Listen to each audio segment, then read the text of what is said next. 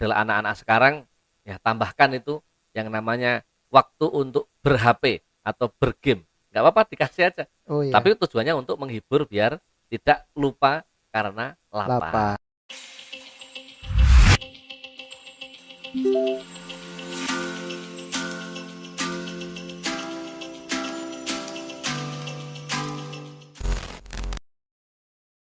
Assalamualaikum warahmatullahi wabarakatuh. Waalaikumsalam warahmatullahi wabarakatuh. Bismillahirrahmanirrahim. Selamat datang para pendengar, para sobat dakwah. Bertemu lagi bersama saya Zaidul Kirom dan ustadznya para milenial. Ini ada Ustadz Rizza di sini. Ya. Halo Ustadz. Alhamdulillah.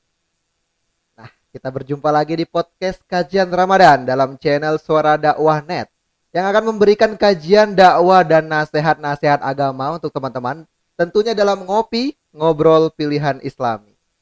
Nah, bagaimana kabarnya sekarang ya Ustadz kita udah puasa keberapa ini? Kalau dihitung-hitung. panjang sekali. Aduh, tetap semangat walaupun aduh nampaknya saya puasa di pondok terus ini nggak Iya. bakal mudik Ustadz. Bagus malah. Iya, karena ah mengikuti anjuran pemerintah lah. Oke. Jadi oke. sama teman-teman tetap di pesantren aja, nggak perlu mudik. Nah, Kita bantu teman-teman di rumah untuk tetap ngaji dan mengkaji agama Islam walaupun mereka di rumah saja melalui podcast ini. ya. Alhamdulillah. Para pendengar eh, tidak lupa kami sampaikan untuk mensupport channel ini dengan cara subscribe channel Suara Dakwah Net dan juga jangan lupa komen eh, pertanyaan seputar keislaman dan Ramadan di kolom komentar channel YouTube ini atau bisa juga di akun Instagram official dakwah Ustadz Rizza di @ustadzrizzahamami. Nah Ustadz hari ini kita bakal ngopi ngobrolin tentang puasa bagi anak-anak yaitu Oh, ya. adalah melatih mental anak untuk berpuasa. Iya.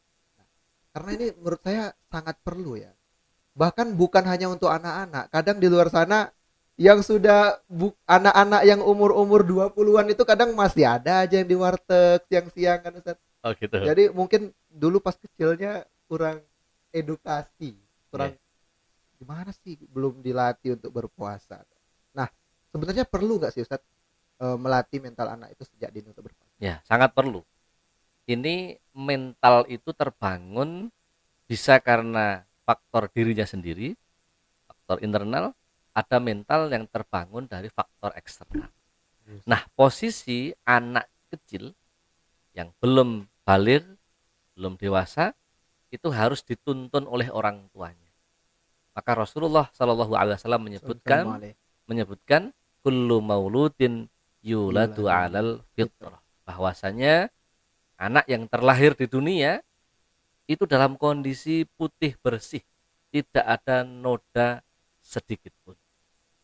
Nah fa inna abawah sungguhnya yang namanya kedua orang tuanya orang tuanya itu terserah mau menjadikan mereka itu yuhawidanihi au yunassiranihi au yumajjisanihi dijadikan Yahudi, dijadikan Nasrani atau dijadikan Majusi atau justru diislamkan dengan baik itu tergantung orang orang tua. orang tuanya. Maka kalau tadi disampaikan ada anak yang sudah dewasa kok siang-siang begini Ramadan Iya, kemudian masih nongkrong masih ada di warteg. warteg itu berarti kan Aduh. sudah salah kaprah itu, Gitu. salah asuh. Nah, maka dari itu ini yang dipesankan oleh Rasulullah coba kita jalankan bersama. Maka anak sejak dini sudah dikenalkan dengan yang namanya puasa. Bagi yang dewasa tidak beriman saja puasa terasa berat. Gitu, Apalagi anak-anak yang masih kecil kan betul, maka perlu dilatih. Dilatihan untuk berpuasa sebelum masuk akil baliknya. Itu, Mas. Nah, lalu bagaimana sih sebenarnya Ustadz caranya itu? Soalnya dulu saya awal berpuasa kalau nggak salah dilatih waktu masih SD Ustadz. Jadi dulu orang tua saya nyuruh puasa kalau nanti sampai azan zuhur boleh buka gitu Iya. Ustadz pas SD. Akhirnya dilatih lagi tahun selanjutnya Ramadan selanjutnya sampai asar Asar. terus sampai maghrib gitu. Iya. Sebenarnya yang efektif cara mengajarkan anak eh, melatih anak untuk bisa berpuasa dari sejak dini itu bagaimana? Nah, saya kira sama. Kalau di Jawa kan istilahnya poso beduk, Nggih, puasa poso betul. asar, poso tetek atau poso full dari mulai eh, apa bersahur Sahur. sampai kemudian azan Berbuka. maghrib azan itu maghrib. baru mulai makan. Nah, itu cara orang-orang tua dulu yang melatih anak-anaknya untuk membuat ringan sesuatu yang besok itu bakal berat. Maka di sinilah pertama itu menanamkan soal pendidikan karakter. Nah, pendidikan karakter ini sama dengan perintahnya Rasulullah ketika menyampaikan kepada Sayyidina Ali, sang menantu tercinta. Ya Ali, walil mu'minina salasun. Wahai Sayyidina Ali, engkau orang pandai, engkau orang hebat. Maka untuk melihat kehebatanmu itu harus tahu. Walil mu'minina salasun. Ada ciri-ciri identitas orang itu dikatakan mukmin. Nah, melatih anak untuk bisa berpuasa itu adalah melatih untuk kemukminan tentang keimanan. Apa yang dipanggil oleh Allah ketika orang mau berpua- berpuasa itu? Ya ayyuhalladzina. Ya ayyuhalladzina Amanu. Maka memanggil pemerintah mendorong untuk orang berpuasa dasarnya iman dulu. Iya. Nah, untuk menjadi iman bagaimana? Kita harus tahu tiga tanda yang diberikan oleh Rasulullah Shallallahu alaihi wasallam. Yang pertama adalah tentang yuda biru fi taatillah.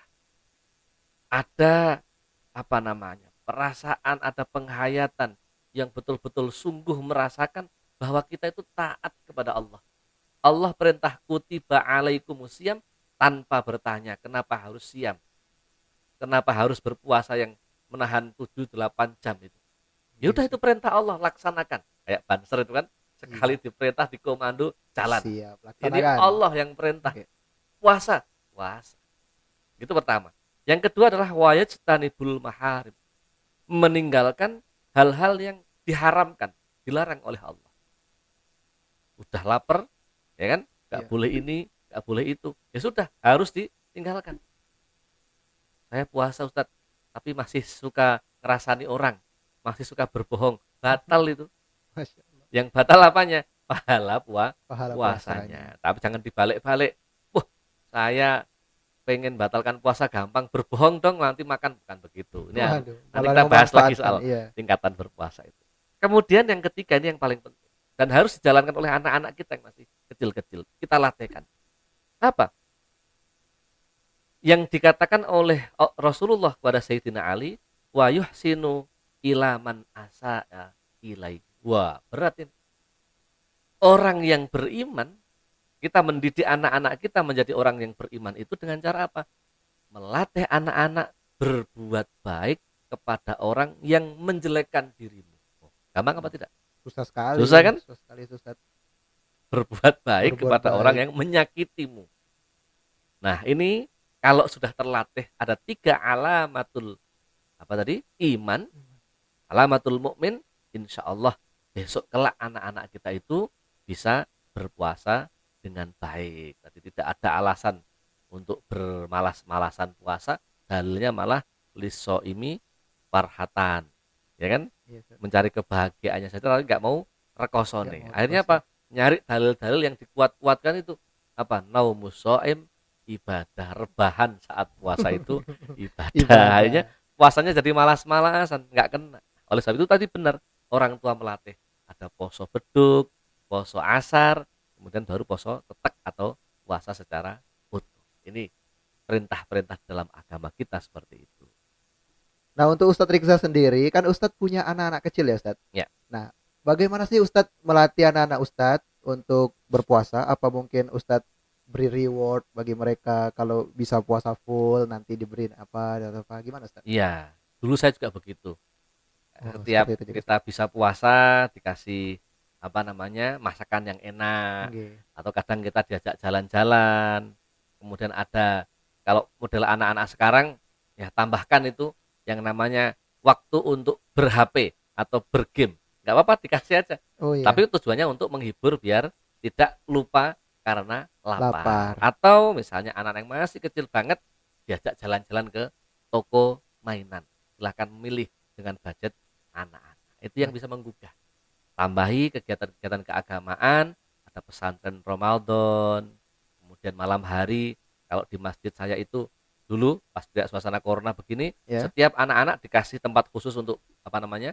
eh sholat tarawih Oke. kemudian dikasih es krim setiap malam. Waduh. Oh, bagi yang tidak suka es krim dikasih jajanan coklat atau apa sehingga anak-anak ke masjidnya semangat sore hari ada pesantren kilat nah ini cara kita melatih kepribadian anak dikenalkan dengan bagaimana mengajarkan rukun iman rukun Islam kemudian bercerita tentang keutamaan puasa termasuk bercerita tentang larangan-larangan puasa dan pahala berpuasa itu sangat besar sekali Subhanallah sekali penjelasan dari Ustadz Rizza ya.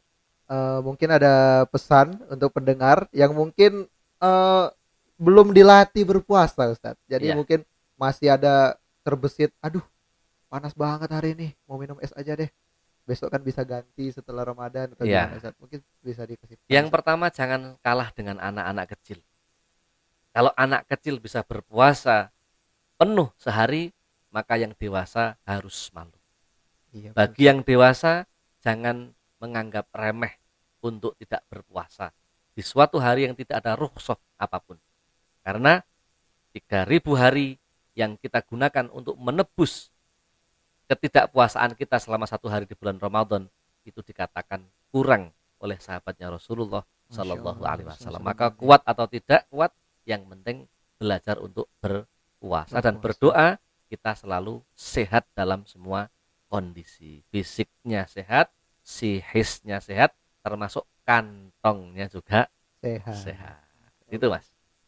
Terima kasih sekali lagi kepada Ustadz Riza. Semoga apa yang disampaikan Ustadz Riza bermanfaat amin, untuk amin. kita semua dan bagi para pendengar di rumah. Nah, teman-teman jangan kalah dengan anak kecil ya. Masa anak kecil aja sudah dilatih untuk berpuasa full satu hari. Tapi teman-teman malah menyepelekan puasa dan tetap jalan-jalan main-main di warteg. Malu dong sama anak-anak kecil.